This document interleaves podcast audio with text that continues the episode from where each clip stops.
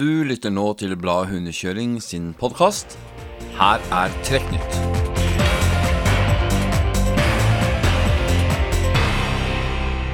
Hjertelig velkommen skal du være til en ny utgave av Trekknytt. Og vi skal starte, som vi gjorde i går, med å snakke med en vinner. Denne gangen så er det Fredrik Vestli fra Enebakk som har gått hen og blitt norgesmester på Femund 400. Gratulerer, Fredrik. Jo, tusen takk. Fortell litt om løpet, sånn som du opplevde det. Nei, Planen var jo å kjøre til eh, Drevsjø og ta sekstimeren. Og kjøre til Tolga derfra og ta firetimeren der. Så da var det liksom ha det litt i bakhuet, da. Og så var det meldt litt vær og vind. Så da kjørte det sånn passe, egentlig. Nå kjørte, Det gikk jo fort for så vidt til Tufsingdalen, da. For det hadde en god tid dit, men planen var ikke å kjøre så fort, egentlig. Men å egentlig bare kjøre sånn Hva skal jeg si sånn eh, smart, og rolig og kjøre sakte nedover og prøve å pushe på litt mer oppover. Så bikkjene ikke får noen skulderskader og sånn. Det var litt sånn rufsete vær i starten også, var det ikke det? Jo, det var litt rufsete over eh, Danarskaft, eller Der var det vind midt imot. Men det, det er ikke det at jeg liker sånn møkkavær, men det går helt greit, egentlig. Så der kan jeg egentlig takke at jeg har egentlig kurante ledere da, som går bra i det været, egentlig.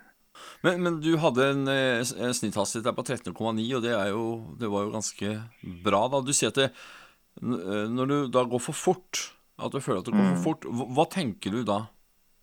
Nei, Det er bare det at det, det er sånn følelse man har, tror jeg. Jeg vet ikke hvordan jeg skal forklare det, men uh, det er å kjøre sånn passe. Ta vare på hundespannet. Så det går uh, Hva skal jeg si At det ikke liksom slipper opp for mye nedoverbakka. Det er egentlig jeg mest uh, syns er viktigst. Da. Men eh, så utover i løpet så, så drar det seg til, og det ble jo forferdelig spennende fra tolka. Da var det altså kvarter som skilte mm. deg og så ned til Ronny Grønn. Hva mm. tenkte du da? Nei, Det første jeg tenkte, det var jo egentlig når vi kjørte over til Sø Søvollen. da. For da kjørte jo jeg og Eller Ola og Ronny Nei, Ola tok meg igjen på Sølensjøen. Og så kjørte han litt fra meg, han og Ronny. Og så tok jeg dem igjen like før vi vippa opp på fjellet ned til Sørvollen, da. Eller over til Sørvollen. Og da kjørte Ola en fem-ti minutter før eh, meg og Ronny. Og så kjørte jeg og Ronny sammen over hele der omtrent, og der var det skikkelig møkkavær, da. Så det var litt tungt over der. Og så kom vi ned til Sørvollen. Og da når jeg kom inn på Sørvollen, så hadde jeg med nok snacks. Jeg skulle egentlig bare snu. Og da sa de at de hadde jo tatt med halm og lagt seg litt på halm. Og da tenkte jeg at eh, Ja, da tenkte jeg da må jeg bare gønne på, egentlig. Så kunne jeg få litt forsprang. Og så gikk det jo litt trått ut der. Bikkjene ville jo helst egentlig stoppe der når de hadde liksom hatt den turen over fjellet der. Da bare, det er bare å kjøre og få dem framover, egentlig. Så gikk de seg til når vi kom ned, fra, kom ned til veiplasseringa. Og da tusla det greit egentlig inn til uh, Tolga. Men der kjørte jeg litt sakte.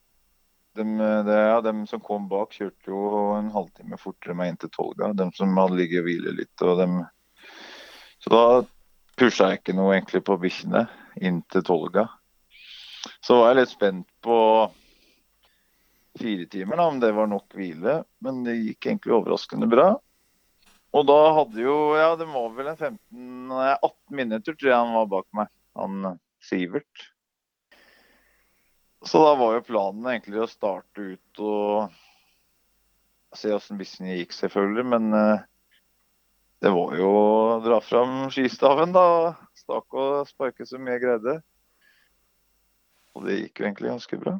Og da var bikkjene ganske pigge inn til mål. Eller sånn de hadde god fart i seg. da. Ja, det, det må du ha hatt. Altså, og jeg lurer på hva har du snakka de bikkjene med? Yorkakaker på, på Tolga? For 15 km i, i sniffart, det var jo formidabelt. Det var jo rein utklassing det på slutten der. Ja, for jeg følte jeg hadde en ganske fin Selv om de kjørte inn på mye på meg inn til Tolga, så rulla bikkjene fint inn der, på en måte. At de pusha dem ikke noe, egentlig. Så bare kjørte etter det de ville. Sånn mer eller mindre inn til Tolga. Så de var jo selvfølgelig slitne inn der, sikkert. Men uh, jeg følte jeg ikke hadde pressa dem. Så da tror jeg de på en måte hadde litt overskudd den, da. Jeg tror den bak eh, kjørte hardere inn til Tolga enn det jeg gjorde. Fredrik, er det her din eh, største meritt så langt? Ja, jeg vil jo si det. Ja. Nei, ja, det er jo det. Det er eh, Jeg har jo hatt noe annet før, da, men det er vel det beste. Det, det er en soleklar arener, det. For de som ikke kjenner deg ordentlig, Fredrik. Hvem er du? Hva gjør du når ikke du driver med hundekjøring?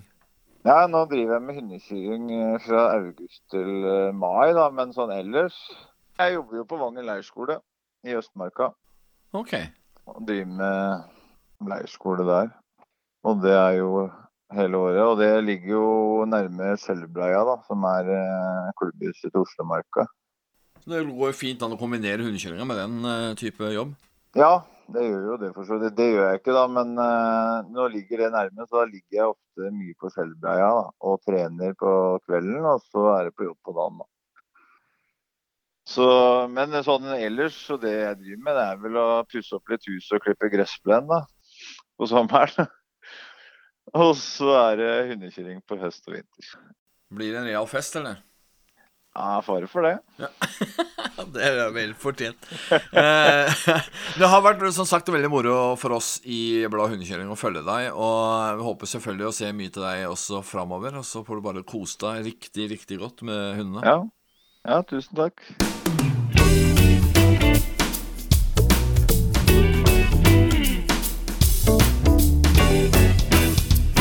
Da har vi altså akkurat snakka med Fredrik, eh, som selvfølgelig var en lykkelig eh, norgesmester i dag på Femund 400. Trond, du er med meg nå. Hva syns du om løpet til Fredrik? Han hadde jo en vanvittig sluttetappe fra Tolga til Røros. Jeg er veldig imponert over den farta han, han helt på slutten. Det, det, var jo et eh, Det var jo en, en, en maktdemonstrasjon, kan du si. Fordi at han han, eh, han, greide faktisk da å få bikkja å opp i fart. Og, eh, og det psyka vel ut disse der nærmeste konkurrentene, tror jeg, for de gikk jo ned i fart.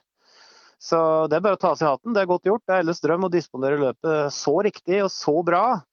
Eh, det er jo liksom kvitteringa, da. Når du da kan kjøre en sisteetappe og ha full sprut eh, og, og, ligge opp mot 15 km i timen i snitt, ikke sant? det er ikke mange som, som, får til. Har du fått det til, så er det en kvittering på at du har gjort alt helt riktig i løpet. Nå har vi sittet og snakka litt med Fredrik, men hvordan vil du beskrive han som hundekjører? Jeg har jo sett eh, mye til Fredrik, fordi han kjørte jo Gautra Maraton 300 i fjor, der jeg er rennleder, og det er jo et ganske spesielt og et ganske langt løp. Og jeg så han på maraton 200 i år. Og jeg, jeg vet at han som hundekjører er uh, veldig kontrollert. Jeg husker at vi kjørte Mørs Sinnfjell i fjor. Knallharde spor og mye, mye rask kjøring. Og han, jeg la ned matta og tok det pent, og det gjorde han òg. Vi kjørte sammen en stund i fjor. og Han virker veldig veldig kontrollert og veldig analytisk. Rett og slett en, en ganske beherska person. Han lar, lar seg nok heller rive med på noen ting, tror jeg. Uh, så han har en like, stoisk ro når han driver og kjører hund, og han greier å holde seg til det, det han tror er fornuftig. Han, han, er ikke en type som lar seg rive med av noen verdens ting, tror jeg. Og Det er en kjempefordel når du driver med langdistanse. Er vi, er vi tilbake på det som vi snakka litt om i går, evnen til å kunne kjøre eget løp i løpet? Ja, ja. Vi toucher innpå det noe av det aller viktigste da. Det er jo det som er det viktigste. Han er jo et uh, veldig godt eksempel på en som ikke ikke hopper og spretter i alle retninger. Altså, han er jo han, han, han, har den der samme stoiske roa som det Sven Engholm og Robert Sørli har. ikke sant? De er eh, ganske, ganske rolige typer. Balanserte og rolige typer. og Det er en kjempeegenskap å ha altså, eh, når du driver med dette her. Sivert eh, Kjøsnes endte jo på sølvmedaljen. Mm. Det er jo en relativt ung gutt. Ja, øh, artig at vi får noen nye navn uh, som kommer inn som, som friske pust. Det er ikke for mye rekruttering inn til, til topp ti i de lange løpene våre. Nå er jo han en del av um, apparatet til Thomas Werner. Han har jo gud veit hvor mange spann han har på, på 400 i år. Jeg har kommet ut av tellinga. Jeg tror det er fire, tror jeg. Ja, eh, minst. Mm. og, eh, så det er klart at uh, han har jo vært i hender hos Thomas nå og gjort en, en formidabel jobb der. Og, og, Thomas har jo et utrolig høyt snitt på kennelen sin. Uh, han er jo en av dem som satser aller hardest i hele Skandinavia på langsans underkjøring. Og det er klart Jeg vil nok tippe, uten at jeg vet for mye om det, at, at han har nok, uh, han har nok plukka noen veldig, veldig gode hunder. Eh, som er veldig bra, som har mye løpsrutine i beina. Men det er jo ikke nok. ikke sant? Du må gjøre jobben riktig, og det har jo han klart. Så det er, det er imponerende at han eh, så ung og kjører seg så bra inn sjøl om han har et veldig godt undermateriale. Så, så, viser det seg at han har gått en god skole. altså. Det må han ha gjort. Han må ha gått en veldig god skole. Og så har vi da Ola Brennodden og, og Ronny Grønn som da tok de neste plassene. Men det ble altså da Fredrik og Sivert som trakk de lengste strålene, altså. Ja, altså Ola Brennodden vant jo i fjor og stilte jo med ganske høy sjøltillit. Det er klart det skjer jo mye. Sant? Han tar med seg Ronny Grønn, eh, som på en måte er knytta inn til kennelen og, og til Spanhaus på en måte. Og så splitter de eh, Finnmarksløpsbanen til Ola i to, og så kjører de korte Femund. Og Det er veldig artig å se hva som skjer, for det blir jo litt like, intern kniving. og Så blir de utfordra litt. Grann. Det kommer noen andre raske spann og liksom viser at eh, ja ja, her folk, det, seieren kommer ikke rekende på en fjøl i år. Og så skjer det mye som er litt artig. Det, det, blir, litt, det blir litt internkniving med hverandre, så to der, både Ronny og Ola. Og så uh, blir det litt kniving mot noen konkurrenter som, som er ganske sterke. Så, um, så uh, artig greier. Altså, de er jo med, ikke sant. Ola på pallen, Ronny Grønn like bak inn til fjerde. De er jo helt oppi der. De er jo det. Og jeg tror nok òg at jeg er ikke så sikker på om Ola, som har eh, Finnmarksløpet 1200 i sikte, jeg er ikke sikker på at han liksom eh, kanskje tok ut alt han måtte. Det, så er vel dette her tross alt en, eh, en, en kalkulert gjennomkjøring i forhold til, til treningsplanen neste 1200, tror jeg. Og så har vi da, skal vi nevne til slutt Akine Skaugen, som da kom inn til åttendeplass, men holdt altså veldig bra fart, da. Ja. På siste etappen fra Tolga til Røros hadde du 14 km i timen der, da. Mm, jeg så det. Hun, eh, hun, eh, Jeg er ikke helt sikker på akkurat hva som skjedde, men jeg så at hun tok ut hvilen tidlig, som vi snakka om i går. Hun, tok jo sekstimeren i tufsing. Og, og, eh, så fikk hun nok en veldig god effekt av det. Hadde en ekstremt god kjøretid ned til Drevsjø. Akkurat hva som skjedde over til, til Tolgøy fra Drevsjø på det strekket der, det er jeg ikke helt sikker på. Jeg har ikke snakka med henne jeg har ikke fått rukket fulgt med så veldig Jeg har ikke fått analysert hele løpet hennes. Om det var vær, eller om det var at hun fikk eh, trøbbel med ei bikkje, det vet jeg ikke. Jeg så at hun hadde seks bikkjer i mål.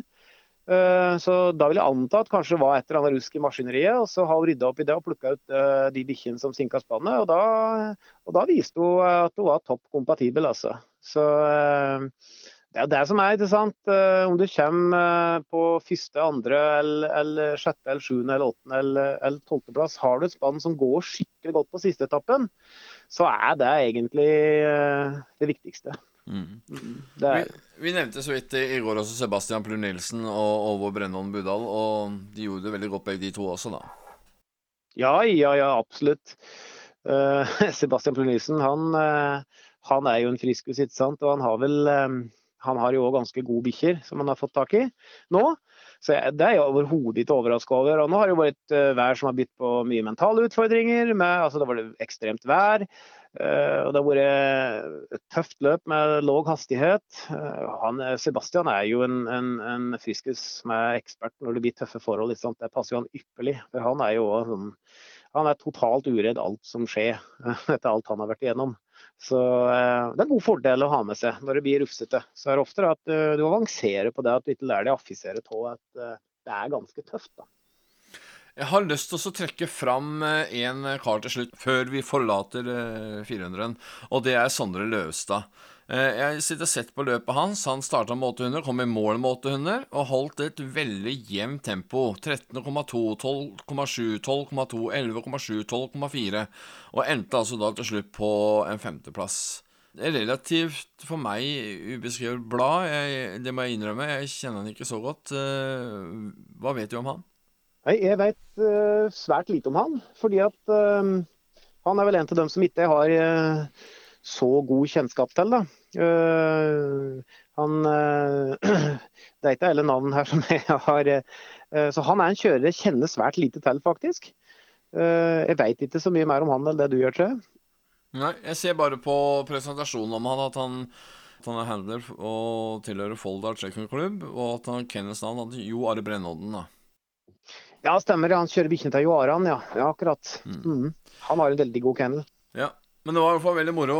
For, det er så gøy, som du sier, når vi får nye navn opp som, uh, som biter fra seg. Jeg syns det er uh, veldig, veldig moro.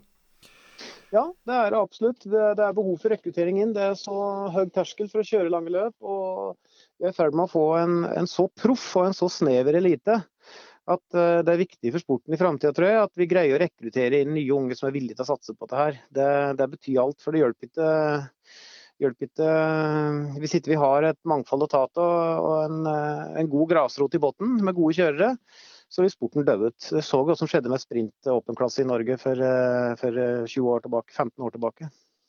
Da skal vi forlate 400. Vi går over til 600. The Grand Old Man. Kongen og Femund. Leder, eh, hva, hva, tenker du om det? Jeg er både, både overraska og ikke overraska på en gang. Det er sånne mixed emotions rundt det. Eh, Robert i fjor, han, i fjor gjorde han et stunt med å kjøre, med, å kjøre 400. Året før der så hadde han det litt uh, trøblete, fikk kanskje ikke gått helt all in. I år så, så, kommer han liksom litt sånn fra det skjulte tilbake. Ingen vet så veldig mye om hva han er god for akkurat nå, egentlig. Det har gått litt opp og ned både med motivasjon og altså resultatene de siste årene. Men, eh, men, så ser vi jo det nå, ikke sant? at uh, han, han, begynner med en ekstremt god kjøretid i starten på løpet. Legger seg litt anonymt i feltet. Men når du er inne i løpets midtre del, så begynner han å posisjonere seg. Og så skjer det unike som veldig veldig, veldig få i verden er i stand til å få til. og Det er bare rett og slett en akselerasjon. og Alle spenn byr kjeie, og alle begynner å stupe litt ned i intensitet. Så bare siger på. Uh, og Det er ikke så veldig mange andre enn Robert som er i stand til å få til. Hvis jeg har jo kjørt um, en med tre kvarter fortere enn de konkurrentene på strekket fra, fra Grimsbu og tilbake til, til Orkelbogen.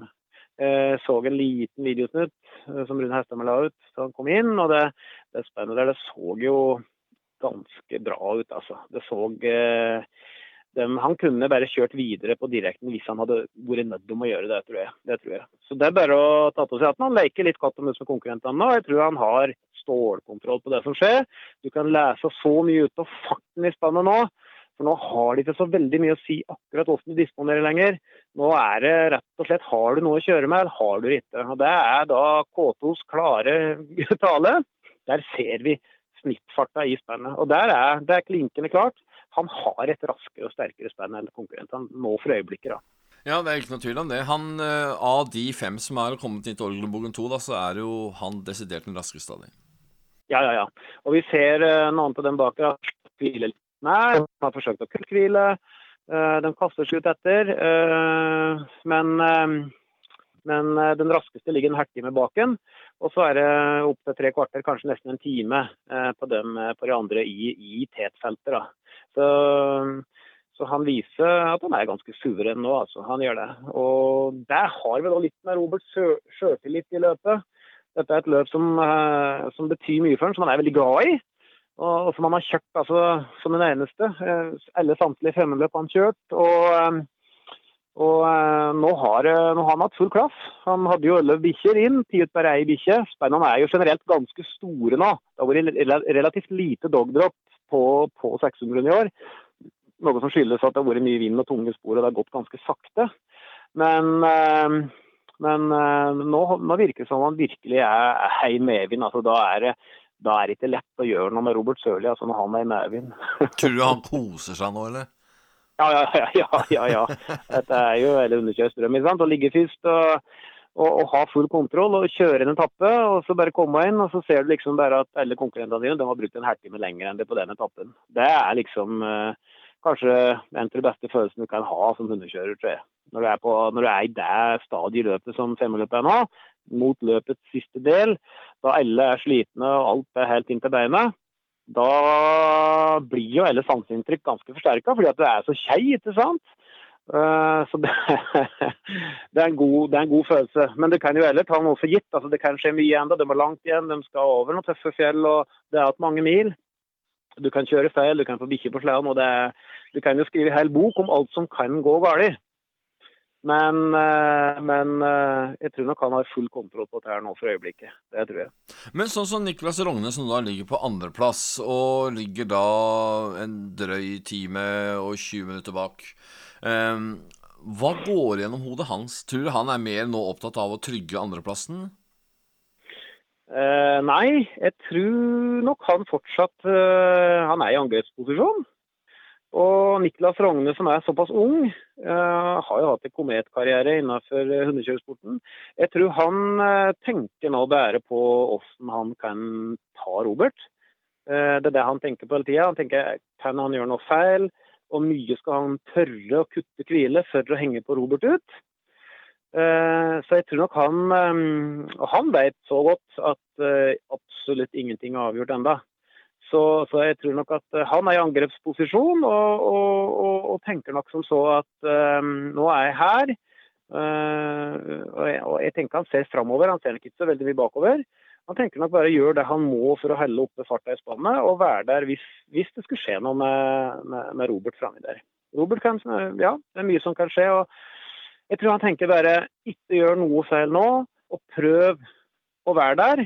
Plutselig så kan det skje noe det er langt att. Det er det han tenker på nå. Han ser nok ikke bakover. Jeg tror han er nok så full av adrenalin. For det akkurat det når du, når du er i teten i femmenløpet Jeg har vært akkurat i hans posisjon sjøl. I 2007 så var jeg der. Eh, da var Robert sist, og jeg var liksom sånn like baken. Jeg var nok litt tettere innpå enn det Niklas er nå, men, men det lukta liksom på, på seieren og, og og når du er der som han er nå, i tet, Robert er litt foran, og du har mange andre spann bak, men du er den sterkeste av utfordrerne, da har du så mye adrenalin i kroppen at du merker ikke det som de, alle andre kjørerne sliter med, nemlig det at det, er, det begynner å gjøre vondt, du begynner å bli sliten, du begynner å bli demotivert. Eh, du er ganske dehydrert etter hvert, eh, og sliten og utmatta. Det er merkelig, så lett, for du får så mye adrenalin i kroppen når du ligger framme der og er i en slik uh, utfordrerposisjon. Så, så jeg, tror, jeg, tror, han tenker bare ikke gjør noe feil. Alt kan skje, og han er nok vanvittig motivert altså, for å stå på videre. Det tror jeg. Lars Monsen jo, uh, ligger fortsatt på en tredjeplass, men, men, har jo under hele løpet gått saktere og saktere og saktere. Og hadde vel 10,6, tror jeg, på, inn mot Orgelbogen 2. Har han på en måte melde seg litt ut av løpet nå, tror du, og fokusere på å fullføre og gi hundene god opplevelse og få mest mulig ut av det før i Ditarod? Ja, det er nok, det tenker jeg nok. fordi at Ditarod det er jo et, eh, et voldsomt prosjekt. Og, eh, og, jeg tror nok at han nå er mest opptatt av å fullføre. Lars Monsen han, eh, han, han driter ikke i løp selv om det butter. Det betyr mye for han og for spennet at han fullfører. Og han er jo tross alt helt framme i tetfeltet, på en måte. Uh, han har hatt en uh, Han brukte nok en uh, Av utfordrerne i topp fem nå, så er han den som har brukt lengst tid på siste etappen. og der kan jo f.eks. Han kan ha fått trøbbel med, med en bikkjetur og lasta opp en hund. Et eller annet kan ha skjedd. Så skal ikke avskrive Lars enda, fordi han kan droppe Han kan Litt sånn som Kine Skaugen gjorde på 400. Altså han kan ta ut hvis han har noen bikkjer som, som, ikke greier farta lenger, så kan han ta ut dem og rydde opp, og så kan han plutselig skyte ny fart igjen. Men det er klart at uh, det er en lei tendens når du ser at han bruker, han bruker lengre tid på noen etapper, en halvtime, tre kvarter lengre, og så hviler han omtrent like mye som konkurrentene. Det blir prosentvis en sånn negativ spiral etter hvert, ikke sant? Fordi at du må jo hvile mer. Du må jo se hviletida i forhold til antall timer på sporet. Og Det er jo der Robert har eh, kanskje vært litt lur, for han kjørte jo veldig fort på første etappen, Robert Sørli i år. Og så har han hvilt like mye som de andre, men når det nå kommer mot slutten, så har jo han prosentvis mer hvile i beina på bikkjen i forhold til kjøretid. Så har han mer hviletid fordi han har brukt så kort tid på etappen. Lars Monsen, ikke sant, der er det motsatt. Han har brukt ganske mye lengre tid, og så har han hvilt omtrent like mye. Og da går det saktere, altså. Det, det, det, det, gjør det. Men eh, jeg, jeg tipper at Lars Monsen det Pri én er jo å gi bikkjene en positiv opplevelse og, og, og få dem eh, til mål så, um, i så bra stand som mulig. Det går fort til en skal til. Uh, så jeg tipper nok det er det han har fokus på nå. Jeg tror ikke han kommer til å til å kutte noe mer nå, eller, eller, eller, prøve å ta noen sjanser og, og pushe ekstra hardt for å prøve å ta noen lenger fram. Jeg tipper han kommer til å safe inn nå. Det tror jeg. Amund Kokkvold eh, kommer bak, drøye 1 time og 20 minutter eh, foreløpig. Og så er Lasse Austgarden etter det. Mm -hmm. Fortsatt ute i sporet har vi Ronny Frylund og Kristoffer Halvorsen. Mm -hmm. Og Nina Wivelsol Vollen sammen med Barbara Inhaugen. Mm -hmm. Hva for, for Amund, da? Når han ser at Lars kanskje begynner å ta det litt mer med ro. Det må jo gi litt blod på tann for han? Ja, helt klart. Og det ser vi jo. Han, han var jo den som hvilte minst i, i, i Grimstad, hvis ikke tok helt feil. Det er en time siden jeg kikka over lista nå. Men jeg mener å huske at han kutta litt. Lå på 1 time og 20 eller halvannen i Grimstu, tror jeg. Mulig jeg tar feil, men jeg tror det. Og Amund har jo hatt en litt sånn trøblete forhold til, til Lange Femund. Han måtte bryte Femundløpet i fjor, Lange Femund. Og I kraft av den erfaringa som Amund har opparbeida seg, han har jo virkelig gått en god skole. ikke sant? Jobba både for, for Lars Monsen og for Sigrid Ekran og kjørt godt i Femund junior. og Han har jo virkelig gått gradene. Han er stappfull av kunnskap og erfaring. og ikke minst så har han eh, så er såpass ung at han har mye krutt i beina ennå. Og jeg tenker nok at han er sulten nå, for nå ser han at nå er målet innen rekkevidde. Nå kan han fullføre Femund. Og han er oppe der blant de beste. Så um, jeg tipper at han er i angrepsposisjon nå. Han blir nok ekstra sulten når han kommer inn til, uh, til Orkelbogen 2. Og så ser han at han kanskje har en raskere tappetid enn noen av de som er foran. Men en av dem du skal se ekstra mye opp for, er jo Kristoffer Alvorsen. For han var litt sånn konservativ på Grimstad. Han, uh, han hvilte lenger snakka så vidt ved, ved handleren hans. De hadde jo en plan om å få han til å kutte litt hvile og, og få han til å gå ut litt før. Eh, for løpet blir, blir jo ofte avgjort oppe i Grimstø, hvorpå han var stoisk i forhold til at han ville hvile litt mer enn de andre. Og, eh, for det er en lang, tøff etappe igjen til mål, og han har nok en strategi nå om å prøve og, og, få inn litt mer hvile bikkjene se, om det kan betale seg før de er i Tolga. Etter Tolga skjer ikke så veldig mye, egentlig. Da må alle hvile. Og, og det, det, løpet er på en måte Det er veldig mye avgjort, egentlig, inn Tolga. Så Kristoffer han har jo hvilt litt mye. Dyktig kar. Kjørte i Finnmark kjempebra i fjor. Har et veldig godt spenn. Han har absolutt gjort jobben i år, og jeg tror at vi kan regne med at han kanskje nå gjør et lite rykk nå. Prøve å, å klatre litt oppover. Det kan godt hende. Så jeg tror han kanskje er Kristoffer er kanskje den farligste for dem som kommer bakfra, for å utfordre pallen. Vi har jo også hatt en del brudd her. Eh, Petter Karlsson har stått av Bjørnar Andersen og Hans Petter Haugen. Eh, ja. Altså Det mest oppsiktsvekkende er jo selvsagt at eh, regjerende vinner, altså regjerende mester i femmeløpet, han vant femmeløpet i fjor, overlegent, nesten. Det, var, det, er jo Petter Karlsson, og han, han brøt i år ganske tidlig. Det må vi se litt i perspektiv. Han uh, kjørte Femundløpet i fjor. Vant med brask og bram. Uh, det kosta nok litt. Han dro til Finnmark etterpå, og det gikk ikke bra. Han brøt Finnmark ganske tidlig, 100-mila. Og, um, og kommer nå, og så legger han ut en slags pressemelding eller en sånn kunngjøring på Facebook om at han valgte å bryte fordi han var redd for at dette ville koste for mye i forhold til Finnmarksløpet. Og Det er jo en trend som vi altså Vi så Ralf i fjor, kjempefavoritt. Uh, virkelig uh, en av de store 600-profilene gjennom 20 år. Han kasta jo inn håndkleet på Orkelbogen enn i fjor fordi han var redd for at dette ville koste for mye i forhold til Ditarod. Og nå ser vi altså Petter Karlsson, som vant i fjor. Han velger altså å kaste inn håndkleet ganske tidlig fordi at uh, han er redd for at det skal koste for mye. Og Det sier litt om hvor tøft Femundløpet er. Femundløpet er et knalltøft løp for bikkjene. Det kjøres med høy intensitet, det er mange tøffe fjelloverganger. Og det er relativt lite hvile. Um, så, så sjøl om, om, om, om, 600 nå faktisk er bare halvparten så langt som, som Finnmarksløpet, så er det kanskje like tøft, om ikke kanskje tøffere for bikkjen.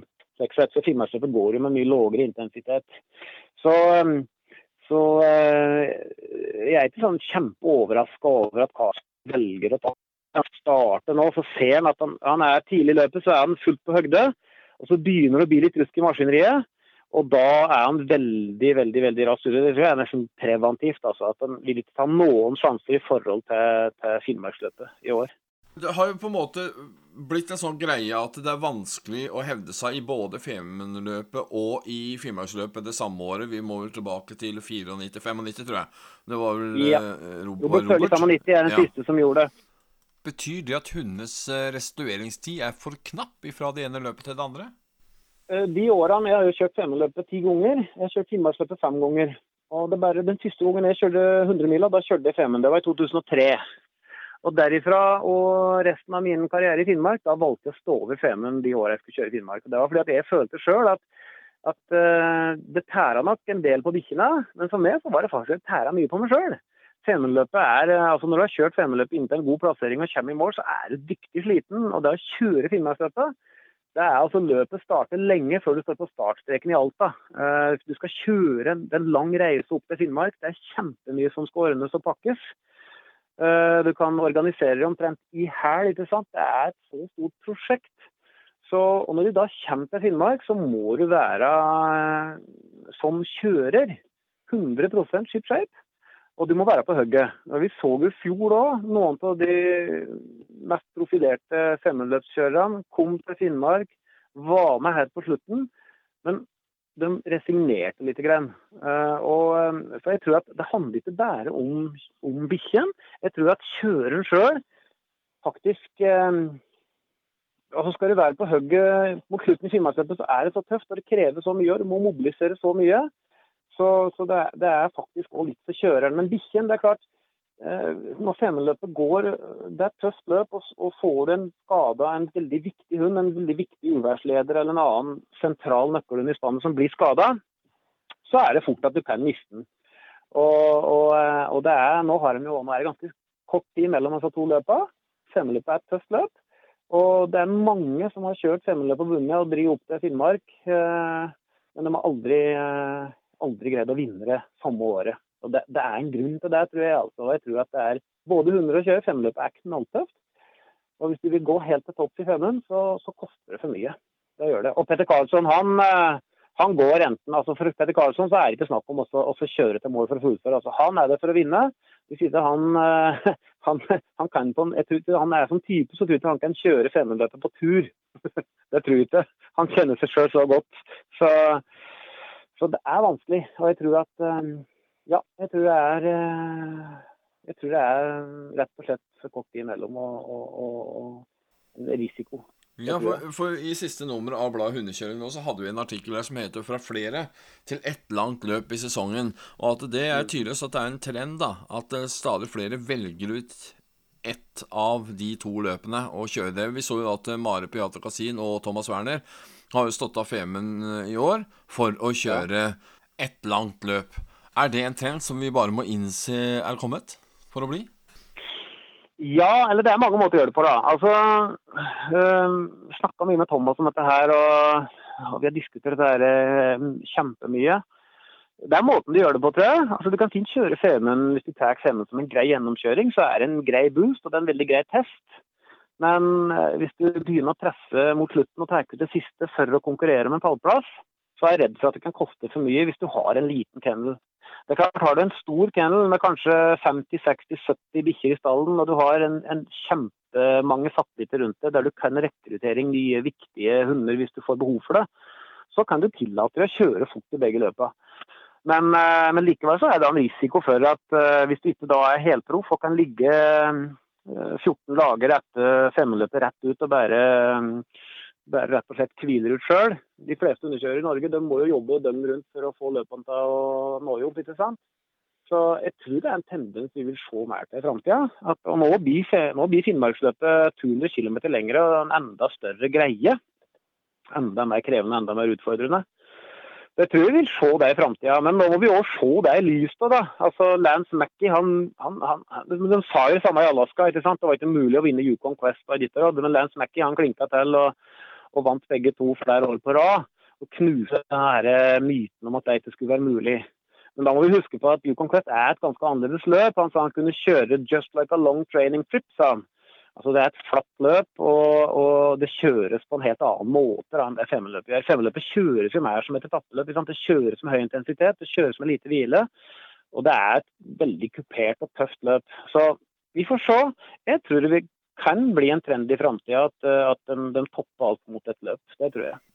Eh, vi skal straks eh, gå litt videre i sendinga, men jeg skal bare føye inn eh, mens du og jeg sitter og prater nå, så har Kristoffer Halvorsen kommet inn på en sjetteplass og har hatt en snitthastighet på 12,3 km. Ja.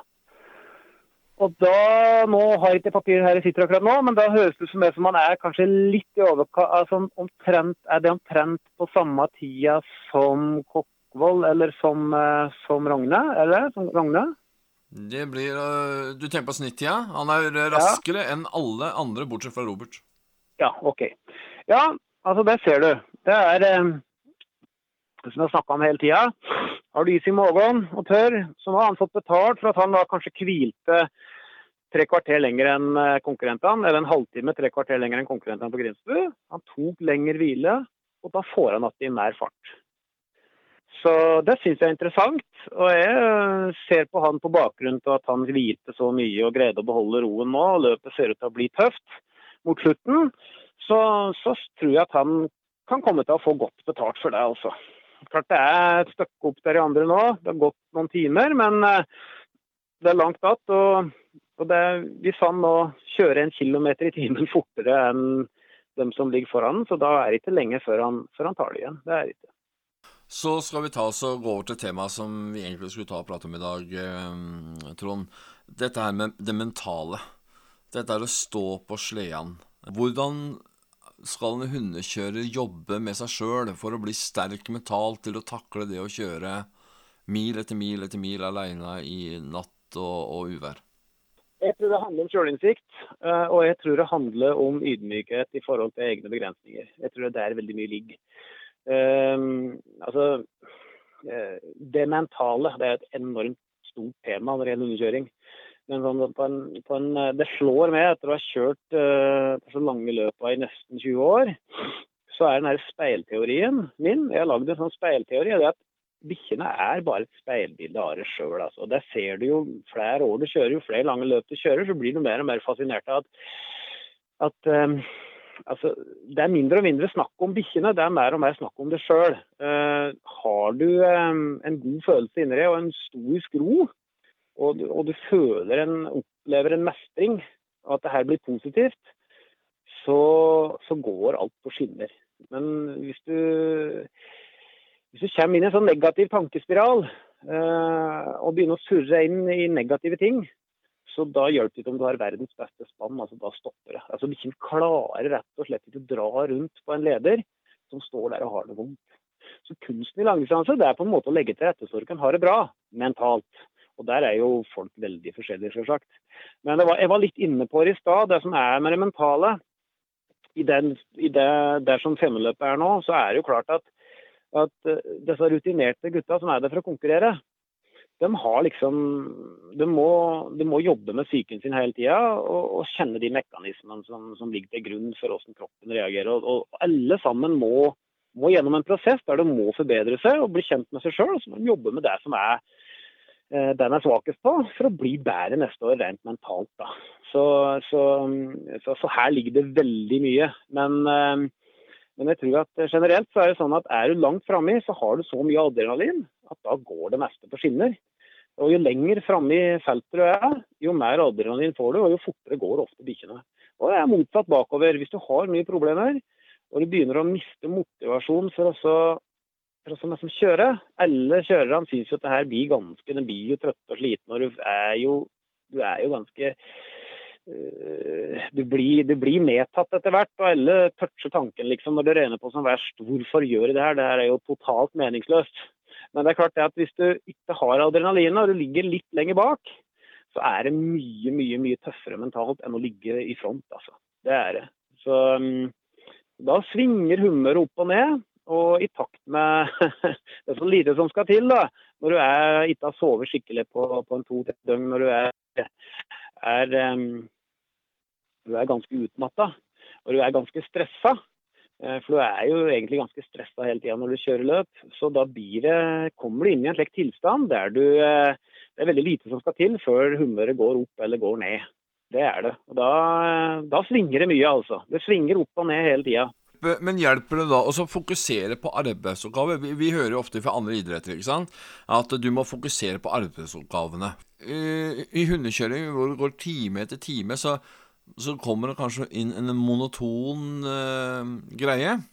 Eller hvordan gjør du det? Tenker du arbeidsoppgaver når du står på sleden? Det aller meste går rent automatikk og refleks. Det gjør det. Eh, det som er viktig for gode langdistansehundekjørere, det er altså å kunne greie å komme inn i flytsona. Og Det er en ganske magisk opplevelse. Det er nesten umulig å beskrive og få andre som ikke har kjørt langdistanse, til å forstå hvordan det er. Eh, det har vært gjort målinger til hundekjørere, dyktige hundekjørere som har i samråd med leger eh, testa dette her, graden av utmattelse på løp. og Fordi at dette her er lystbetont og ikke pliktbetont, så kan du dra strikken så langt i kraft av ditt eget adrenalin så det her, du kommer inn i en sånn merkelig tilstand, altså. Ehm, men, ehm, men det er liksom eh, gjengs at du, ehm, du, må, du, må være i stand til å komme inn i en flytsone. Altså, sånn når Robert nå kjørte ut fra Orkelbogen, nei, ut fra, ut fra Grimsbu, så er det sånn, hvis du kommer inn i flytsona, så merker du at både tid og sted opphører.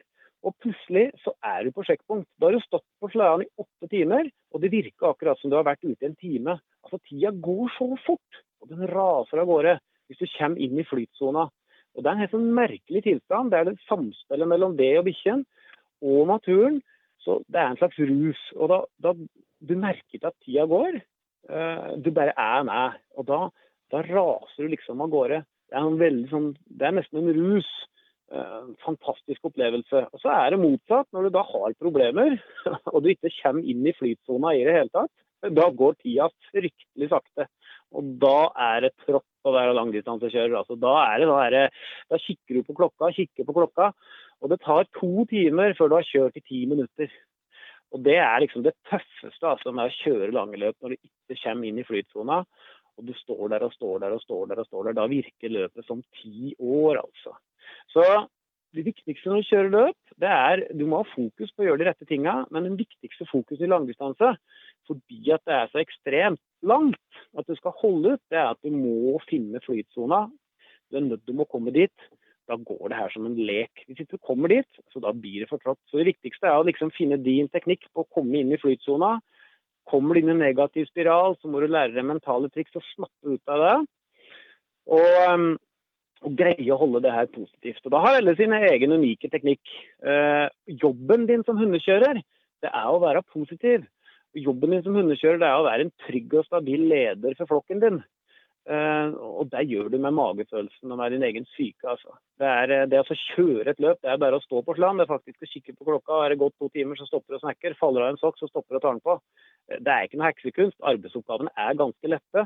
Du står der og sparker og sparker og staker og staker. Det er ganske monotont. Når du kommer til sjekkpunkt, så må du gå på refleks.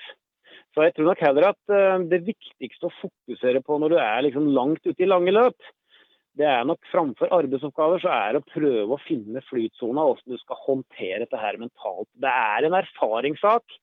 Eh, kroppen må herdes. Og du må ha vært i det før. Når du er i det kjente og utvikler det sjøl i takt med at du kjører mange løp, så blir du, blir du bedre og bedre, altså. Du gjør det. På akkurat dette her.